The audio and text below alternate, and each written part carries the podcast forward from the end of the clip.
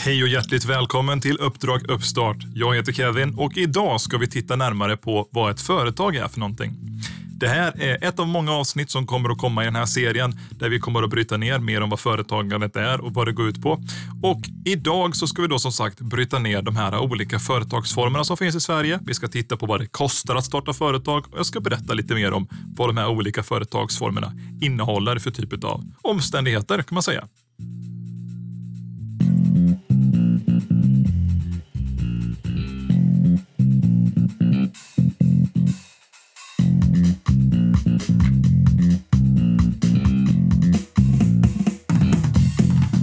Ja, och informationen vi kommer att gå igenom i det här avsnittet det är den mest grundläggande som behövs för att komma igång med ett eget företag.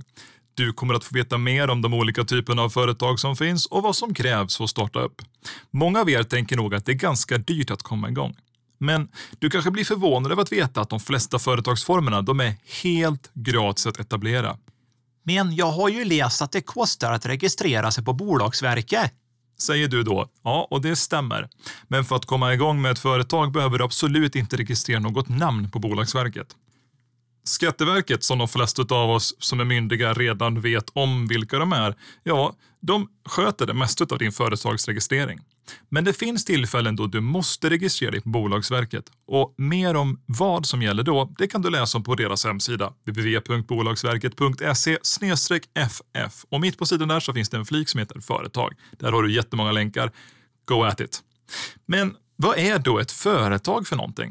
Häng kvar så ska jag berätta.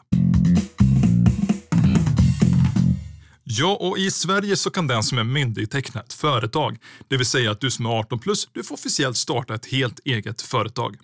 Men det finns fyra typer av verksamheter som kan kopplas till företagsamhet som du bör veta om.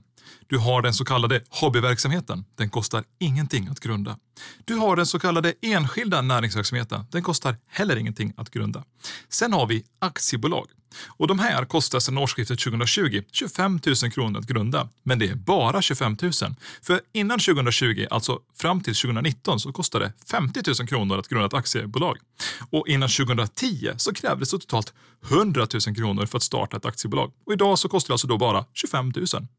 Och sen så har vi slutligen handelsbolag eller kommanditbolag och de kostar heller ingenting att grunda.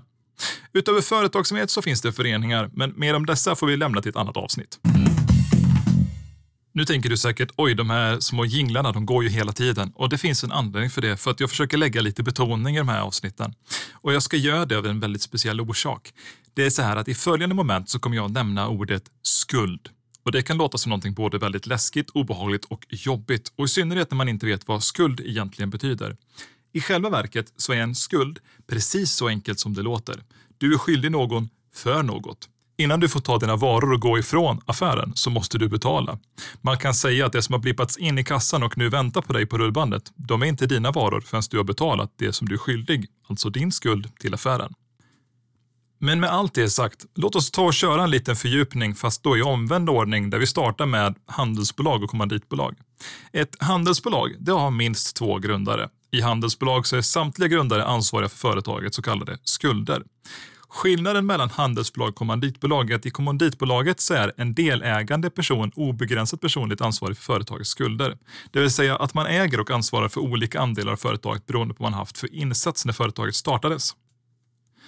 Ett aktiebolag det kan grundas av en eller flera personer, till skillnad från de här handels och kommanditbolagen. Men aktiebolaget det kräver ju också det aktiekapitalet vi nämnde på minst 25 000.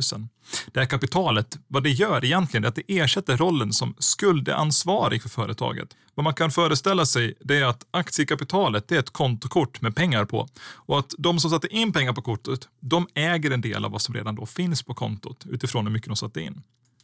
Om det ska finnas 1000 kronor på det här kontot och jag ifrån början då sätter in 100 kronor så kan man säga att jag äger en tiondel av det totala värdet av aktiekapitalet.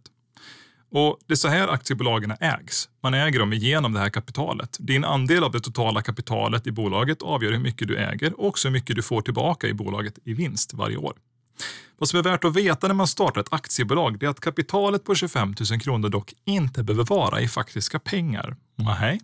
Egendom, det vill säga exempelvis verktyg, resurser, lokaler och sånt som verksamheten använder sig av kan värderas i aktiekapitalet som en ägandeandel. Jag kan alltså då ha 10 000 kronor liggande som ett kapital i företaget som jag har och köper in varor och sånt med. Men sen så kan jag ha ytterligare 15 000 kronor i värderad egendom. En dator, ett skrivbord, ditt kontor, kontorsutrustning, det ger totala aktiekapitalet på 25 000 kronor, men då ägs också även all denna utrustning av företaget hädanefter. Sådant som sköts av en så kallad revisor. Mer om vad en revisor är och gör finns att läsa online. Men du behöver absolut inte ha en revisor när du ska starta enskild näringsverksamhet. Och jag tror att många av er som lyssnar har kommit för just den här punkten. En enskild näringsverksamhet, den grundas av en enskild ensamstående individ. Ja, ensamstående är du kanske inte, men du är i alla fall enskild i ditt firmatecknande. Den här individen är fullt ansvarig för företagets olika skulder. I en enskild näringsverksamhet så är företagets ekonomi också din egen ekonomi. Det som händer i företaget händer även dig personligen. Och många kan vara rädda för det här och tycka att det låter lite obehagligt. Men det är inte mycket mer konstigt än att du har en sambo till exempel, där ni delar på matkostnader och där du betalar efter om den personen har betalat för maten en vecka och så vidare. Ganska enkelt egentligen, men det är värt att komma ihåg att det är så det hänger ihop. Och Det här är också då den absolut vanligaste formen av företag som finns i Sverige. Under 2019 så var omkring 53 procent av alla nystartade företag i Sverige enskilda firmor, varav då omkring 26 000 enskilda firmor och dessa startades inom tjänstesektorn. Där närmast intill så låg omkring 5 000 enskilda verksamheter riktat inom industri. I procentandel jämfört så är det absolut vanligast dock i förhållande till vad som startas i de större typen av företagsverksamheter att man startar jordbruk och skogshantering i Sverige som enskilda privatägda firmor. Och om vi då ska jämföra den enskilda näringsverksamheten med nästa verksamhet, alltså hobbyverksamheten, så är gränsen däremellan ganska så Ja, jag ska inte säga att den är luddig, men det är lätt hänt att man inte riktigt har koll på vilken sida man ska stå på. Jag ska förklara varför. Varför är den luddig? Jo, du får nämligen sälja och ha en verksamhet utan att ha ett registrerat företag. Men vänta lite nu, tänker du då automatiskt. Vad betyder det här? Jo, det betyder ett antal saker. För det första så är det så att en hobbyverksamhet, det är en verksamhet där du inte har intresse av att gå med vinst. Du säljer saker som du har roligt och stimulerar av att skapa för en summa så att du kan få in och köpa in nya resurser och skapa nya grejer. Man brukar säga att det är en plus minus noll verksamhet. Tanken är att pengarna som kommer in, de ska gå runt i verksamheten och bli nytt som åker ut till folk och så får tillbaka. Det är så personlighetshöjande kan man säga, fast på sätt och vis då inte med det här så kallade vinstintresset som ett företag däremot har. Men oavsett vilket så måste man alltid skatta på sina intäkter. Aha. Det som du får in är sånt som du måste redovisa i din deklaration. Du redovisar det du har sålt och du redovisar det som är din vinst. Hur mycket av det jag sålde är inte produktionskostnader, alltså material, verktyg och annan utrustning som du behöver för att kunna skapa det här. Och var går gränsen då mellan hobbyverksamhet och enskild näringsverksamhet? Det finns ett par väldigt tydliga punkter. Om du säljer saker regelbundet, då bedriver du en näringsverksamhet. Du får såklart ha en hobbyverksamhet där du säljer saker regelbundet. Det är jättelogiskt, men det måste fortfarande redovisas i dina papper. Som hobbyist får du heller inte ha några anställda och du får heller inte anställa någon på något sätt till din verksamhet för att göra någonting åt dig. Det får du göra när du har en enskild näringsverksamhet. Då kan du ta in feriejobbare och dylikt.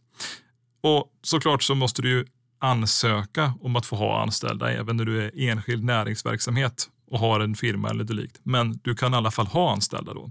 Men slutligen så är det också så att du som hobbyist som har din privatekonomi, du får heller inte göra avdrag för moms och du får heller inte lägga till moms om så inte blir regelbundet tvunget på grund av någonting som du säljer. Och Det här lär man ha lite koll på när man bråkar med. Så det bästa man kan göra det är alltid att registrera enskild näringsverksamhet när man är osäker på om man borde vara hobbyist eller inte. Psst, är du där? Jag vet att det blev lite väl mycket på en gång där. Men vi ska ta och korta ner det hela till de absolut viktigaste delarna du behöver ta med dig för att kunna starta eget. 1. Du får tjäna pengar på att sälja sånt som du skapar via en hobby utan att ha ett företag. Men du måste alltid betala in skatt på din vinst och redovisa din försäljning i deklarationen. 2. Fördelen med att driva enskild näringsverksamhet, exempelvis en firma, är att du får ha det som huvudinkomst. Du får ha anställda och du kan också registrera och skydda ett företagsnamn. Du kan ta patent och du kan göra inköp utan att betala extra för momsen. Mer om moms får vi också då ta i ett annat avsnitt längre fram. Och nummer tre, du behöver inte betala något för att komma igång med ett företag så länge det inte är ett aktiebolag. Däremot så är det bra att ha ett så kallat startkapital, det vill säga pengar som du redan från början vet att du behöver använda för att komma igång. Men det kostar att registrera företagsnamn och använda Bolagsverkets tjänster. I dagens avsnitt så har vi pratat om vad företag är för någonting och gett dig en liten inblick i vad du behöver för att komma igång. Jag som har haft det här avsnittet med dig heter Kevin Wingeus och det har varit fantastiskt kul att få sitta och prata här och berätta lite mer om vad du behöver för att komma igång med dina egna idéer. För senaste nytt, besök våra sociala medier på Facebook och Instagram, ett Uppdrag Uppstart. Du kan höra den här podden på Spotify och där andra poddar finns och även följa den där. I nästa avsnitt ska vi prata om vad en verksamhet är för någonting så att du har även det på benen när det är dags att köra igång med ditt eget företag. Och vi, vi hörs då.